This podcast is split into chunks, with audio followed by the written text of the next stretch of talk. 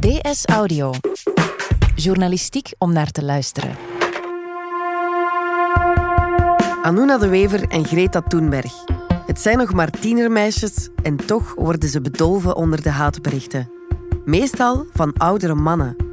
Waarom voelen die mannen zich bedreigd door klimaatactivistes? En wat drijft hen om dat soort haat te verspreiden op het internet? Het is donderdag 21 november. Mijn naam is Lise Bonduel. Van op de redactie van De Standaard is dit DS Audio.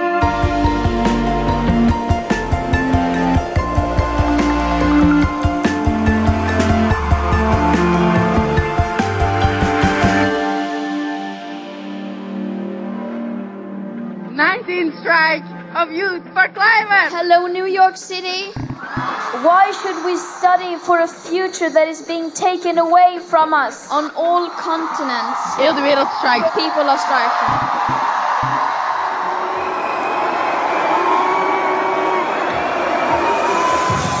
Casper Goedhals, journalist bij De Standaard Weekblad.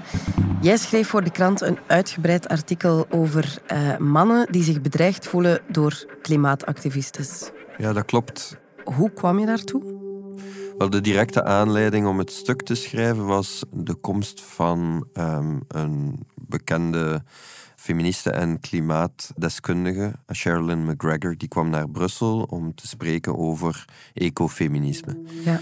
En een van de dingen die daar besproken ging worden was ook de, de weerstand van heel veel mannen vooral voor de jonge vrouwelijke klimaatactivistes. En dat speelde al een tijd door mijn hoofd, want op sociale media kon je er niet naast kijken. Er waren duizenden reacties van mannen, geen tientallen, geen honderden, maar echt duizenden reacties van voornamelijk mannen. Veel normale kritiek, maar ook echt viscerale haat uh, ten opzichte van tienermeisjes, omdat die zich voor het klimaat engageerden. En kan je ze een voorbeeld geven van wat voor reacties ze krijgen van die mannen?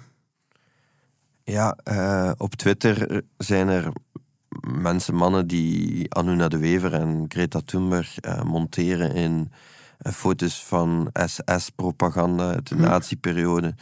Er zijn mensen die zich afvragen of Greta Thunberg eerder een spanking nodig heeft of een, een psychiatrische opname. Ja. Uh, er zijn heel veel mensen die Anuna en Greta een uh, zomerstorm toewensen tijdens een overtocht naar Amerika.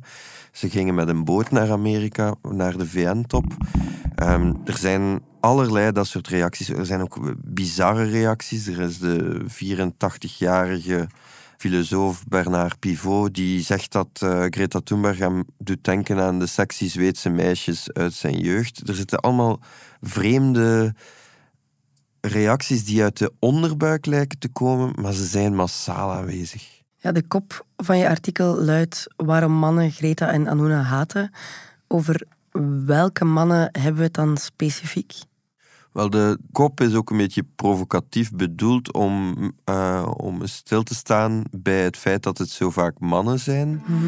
Ehm, er is onderzoek gedaan naar de reacties op sociale media. Dat is nog niet afgerond, maar ik hoorde van een van de onderzoekers dat daaruit blijkt dat het profiel van de klimaatskeptici en dat van de mannen die reageren op Greta Thunberg en Anuna de Wever overlapt. En dat zijn vaak conservatieve mannen van middelbare leeftijd en ouder. En dat fascineerde mij. Waarom zijn die mannen, juist die mannen, zo boos op die jonge meisjes? Ja. En waarom zijn het net die mannen die zo reageren? Wel, om op die vraag te antwoorden ben ik met verschillende experten gaan praten. Een daarvan is de Zweed Martin Hultman. Mm Hultman is het hoofd van een instituut in Göteborg dat onderzoek doet naar klimaatontkenning. En hij heeft een interessant profiel, want hij is zowel klimaatwetenschapper, hij weet alles over de opwarming van de aarde, en hij is socioloog, dus hij doet ook onderzoek naar wat er nu leeft bij, bij, bij mensen. En een van de dingen die hij mij vertelde was dat enquêtes zowel in Amerika als in Europa aantonen dat jonge meisjes veel meer weten over klimaatverandering, over klimaatwetenschap dan oudere mannen. En dat die conservatievere oudere mannen ook vaker klimaatskeptici zijn en zich vaker verzetten tegen de klimaatwetenschap. Dus dat is een van de belangrijke redenen. Uit onderzoek blijkt ook, dat vertelde Hultman, dat uh, jongens zich veel minder graag bezighouden met klimaatverandering. Alles wat ze moeten doen aan hun gedrag uh, om de planeet te redden is bedreigend. Vegetarisme wordt gezien als iets voor meisjes. Afval sorteren is voor vrouwen en mietjes, blijkt uit enquêtes in Amerika en Europa. En dat is ja, toch wel uh, opvallend. Al vanaf een heel vroege leeftijd speelt gender een rol in onze kijk op het klimaat.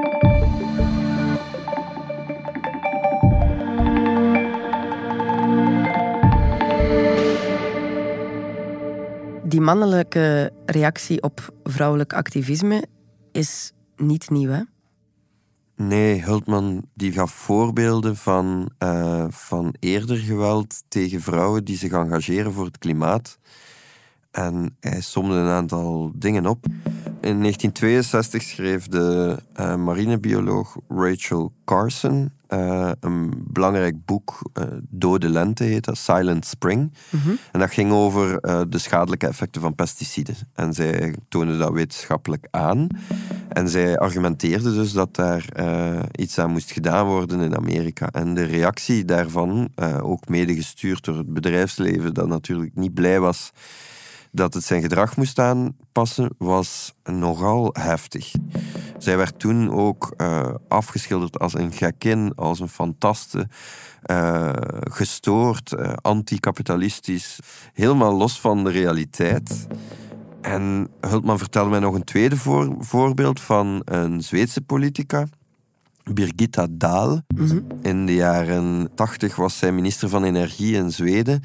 En zij wilde de transitie maken van grote uh, energieproducerende methodes zoals uh, kernenergie en uh, steenkool ja. naar groene elektriciteit. Zij was volop die transitie aan het promoten.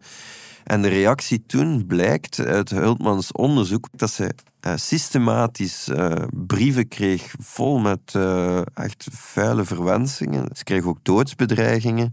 Er werden ook uitwerpselen naar haar huis gestuurd. En het tuinhuisje van haar vakantiehuis in Zweden is op een bepaald moment ook verbrand. Dus er, er was wel degelijk een, echt een dreigende sfeer die er niet was op het moment dat mannelijke uh, klimaatactivisten uh, dat uiten. Ja, en de voorbeelden die je aangeeft, ja, die gaan eigenlijk wel extreem ver. Zien we vergelijkbare situaties nu met uh, de vrouwelijke klimaatactivisten? Wel, voor zover ik weet hebben Greta en Anuna, we zouden hun dagboeken misschien binnen twintig jaar moeten lezen, nog geen uitwerpsel naar hun huis toegestuurd gekregen. Maar toch Anuna, uh, herinner u op, uh, op Pukkelpop? Ja. Er werd toen ook met urine gegooid naar haar tent.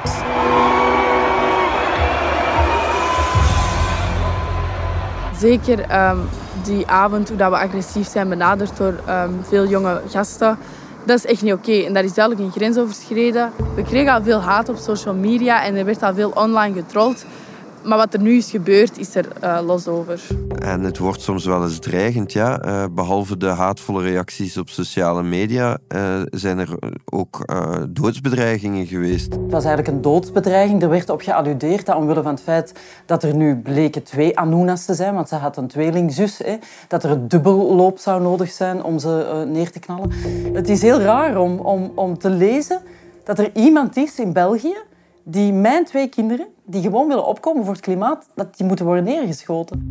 Onlangs was er een man in Amerika, een schoolleraar, die les gaf aan leeftijdsgenoten van Greta Thunberg. Die schreef op een, op een Facebookbericht dat uh, Greta zou komen spreken naar een stad in zijn buurt. Mm -hmm. Ah, jammer, ik heb mijn sniper niet bij. Uh, don't have my sniper. Waarom halen mensen juist op sociale media zo hard uit? Die vraag heb ik gesteld aan een Belgische experte op cyberpesten. Sarah Pabian, professor aan de Universiteit van Antwerpen, doet onderzoek naar waarom mensen pesten op sociale media. Hm. En zij spreekt van een uh, fenomeen ontremming. Dus dingen die ze nooit zouden zeggen in het echt, durven ze op sociale media wel zeggen. En volgens uh, Pabian dient dat uithalen vaak als een uitlaatklep. Dus Pabian zegt de aanvallen op Greta of Anuna zijn niet noodzakelijk alleen maar omwille van Greta of Anuna. Iemand kan ook een heel slechte dag gehad hebben, ruzie hebben gemaakt met zijn of haar partner, mhm. de hele week al met een, met, met, met een slecht humeur zitten, uh, met om het even welk uh, probleem zitten. Ja. En het uithalen naar uh, iemand op sociale media kan opluchten, zegt Pabian. Je zou natuurlijk kunnen denken, een rant op Twitter is vervelend, maar het is nog altijd wel minder bedreigend dan een huis dat in brand wordt gestoken. Hoe gevaarlijk zijn die uithalen op sociale media eigenlijk? Um, Pabian vertelde dat ze onderzoek hebben gedaan bij uh, twintigers die in hun tienerjaren op het internet gepest zijn, die allerlei psychologische problemen uh, hebben en daarmee kampen. Zeker als de combinatie van in het echt en op het internet er is uh, de, van, van pesten. Um, en dat is iets wat, dat, wat dat toch in dit hele verhaal het meest tegen de borst stuit. Hè? Dat, we, dat we kennelijk vergeten dat het over tienermeisjes gaat. Die worden vergeleken met nazi's en met slachtoffers van Maoïstische heropvoedingskampen. Uh, wiens privéleven wordt uitgespit. Dat is vaak niet zonder gevolgen. Ja, om eerlijk te zijn, ik vind het heel angstaanjagend. Ik ben ook maar een 18-jarig meisje en ik probeer iets goed te doen voor de wereld en te vechten voor waar ik in geloof. En ik vind het echt heel angstaanjagend dat daar dan zo'n reacties op komen. Ja, en wat ook opvalt aan de reacties op sociale media, is dat die zo persoonlijk zijn. Hè? Ja, Greta zegt, uh, de mensen die de klimaatwetenschap niet aankunnen, die, um, die vallen mij aan. Thunberg is daarin, uh, is daarin redelijk duidelijk van het... Uh, ze zijn liever haatvol over ons, omdat ze geen zin hebben om de waarheid in de ogen te kijken. Namelijk dat onze planeet opwarmt. Daarover bestaat geen twijfel, dat moeten we misschien ook nog eens zeggen. en de gevolgen daarvan kunnen wel eens verschrikkelijk zijn. En... Um, en ja, dat beangstigt mensen. Dan is het makkelijker om die meisjes aan te vallen. Ja, dat uiten van die haat, heeft dat soms een effect? Absoluut. Uh, die Sherilyn McGregor, waar ik het daarnet over had, die in Brussel kwam spreken, die um, heeft onderzoek gedaan naar uh, de impact van, uh, van vrouwelijke politici op op het debat. En, en uh, vrouwen die uh, de status quo uitdagen, die worden uh, harder aangepakt. Veel harder. Ze krijgen veel meer haat op sociale media, maar ook in het echt veel meer reacties, veel meer venijnige commentaren. Um, en met status quo uitdagen bedoelen we uh, mensen die om verandering uh, vragen. Dat kan gaan over uh, actie tegen klimaatverandering of tegen racisme, tegen seksisme in de maatschappij. of ja, tegen de gevestigde structuren zoals het, het kapitalisme. Anticapitalistische politici die vrouw zijn, krijgen meer haat dan als ze man zijn. En dat is effectief. Uh, McGregor vertelde mij dat, uh, dat er ook heel veel politici aangeven, jonge vrouwelijke politici vaak, uh, dat ze stoppen met politiek omdat dat niet uh, te verdragen is. Dus, dus die storm van protesten en woede en haat heeft soms ook effect. Merk je ook dat er activisten zijn die zich al terugtrekken? Wel, um, nee, in, in de eerste plaats niet in deze golf van zeg maar, Greta en andere uh, jonge vrouwelijke activistes um, valt het mij heel hard op dat, uh, dat ze zeer uh, combatief zijn en mm. geen zin hebben om zich te laten tegenhouden door die haat. Dat zeggen ze ook in, in in reacties. Hè. Eh, Anuna de Wever uh, vertelde bijvoorbeeld op een, uh, op een panel met Sarah Pabian, de experte cyberpesten, dat ze daar goed over kan praten met haar omgeving en, en, en op die manier doorgaat. En geen zin heeft dat de haters, zoals ze die noemt, winnen.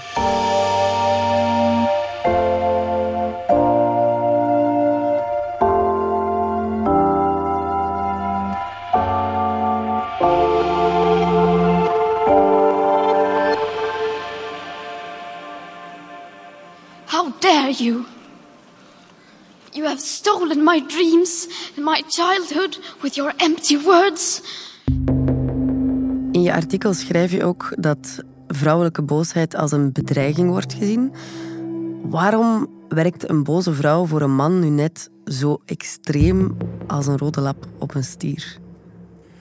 Wel, ik weet het soms niet helemaal, maar het is wel iets wat al terugkomt in onze popcultuur en in onze literaire geschiedenis uh, en in de mythologie. Je ziet de, de, figuren van boze vrouwen zijn bedreigend. Hè? Um, de, de Amerikaanse essayist en schrijfster Leslie Jameson uh, schreef onlangs een, een, een prachtig essay over uh, vrouwelijke boosheid, waarin ze zegt van ja, um, kijk naar de Medusa met haar uh, konkelende slangenharen. Kijk naar de heksen.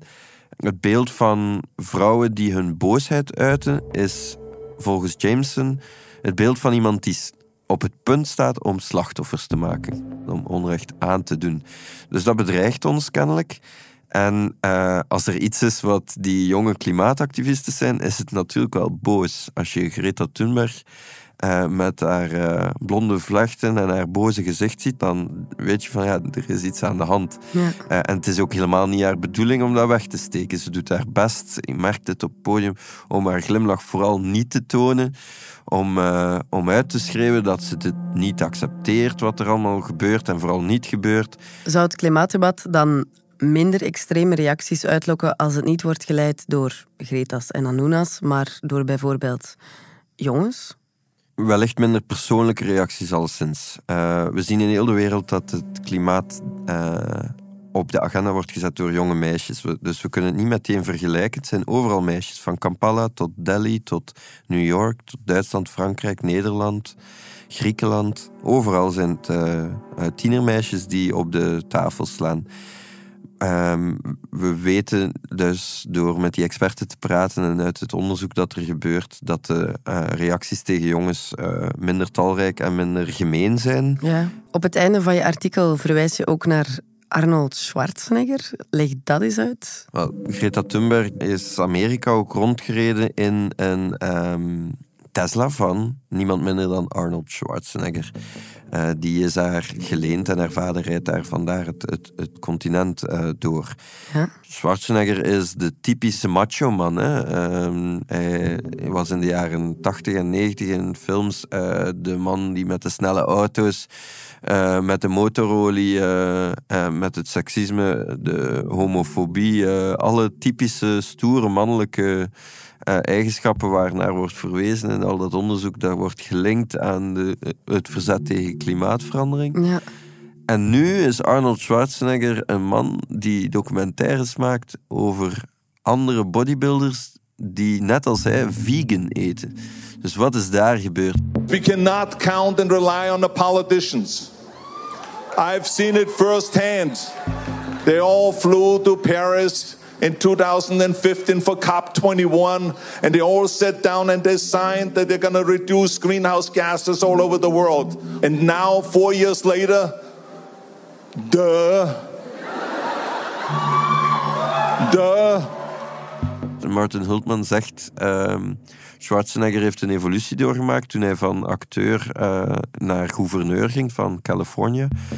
Uh, waarin hij geconfronteerd werd met, uh, met het feit dat het klimaat uh, opwarmt. In Californië zijn er sterke bosbranden die steeds meer toenemen. Mm -hmm. En in eerste instantie is, is hij echt een ecomodernist geworden. Technologie gaat alles oplossen.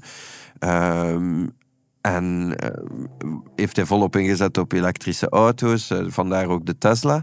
En nu gaat het zelfs zover dat hij een van de grootste uh, steunbetuigers is aan de, uh, aan de feministische klimaatactivisten. People power, that's where the action is. All of you, like Greta said. And thank you Greta for the wonderful speech. And thank you Greta for being here today. En uh, zijn voedingspatroon heeft aangepast. Wat de Hultman dus zei, dat voor velen als mietjesgedrag wordt gezien. Dus als iemand vegetarisme minder mietjesachtig kan maken, is misschien wel de, de spierbundel Schwarzenegger. If you are 100% behind me, I promise you, I'll be back. Casper Goedhals, dankjewel. Graag gedaan. Dit was DS Audio. Wil je reageren? Dat kan via dsaudio.standaard.be. In deze aflevering hoorde je Casper Goedhals en mezelf, Lise Bonduel. De redactie gebeurde door Fien Dille, de eindredactie door Anna Korterink. De audioproductie gebeurde door Brecht Plasgaard en Joris van Damme. Brecht schreef ook de muziek die je hoorde in deze podcast. Chef audio is Wouter van Driessen. De extra fragmenten die je hoorde zijn afkomstig van Belga, Stream One en Reuters. Vond je deze podcast interessant? Weet dan dat je er elke werkdag één kunt beluisteren. Dat kan via de DS Nieuws app of via standaard.be-audio. Je kunt je ook abonneren via iTunes, Spotify of de podcast-app van je keuze. En als je daar dan toch bent, schrijf gerust een review. Zo toon je ook anderen de weg. Morgen zijn we er opnieuw.